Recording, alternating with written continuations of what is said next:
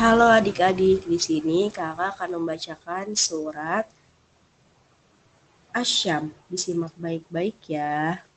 Bismillahirrahmanirrahim. Wasyamsi wa duhaha wal qamari idza talaha wan nahari idza jallaha wal laili idza yaghshaha was samai wa ma banaha wal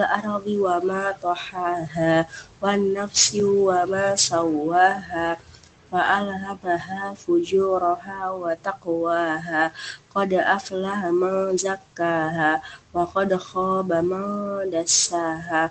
كذبت ثمود بطغواها إذ انبعث أشقاها. فقال لهم رسول الله ناقة الله وسقياها. فكذبوه فعقروها. فدمدم عليهم ربهم بذنبهم فسواها ولا يخاف عقباها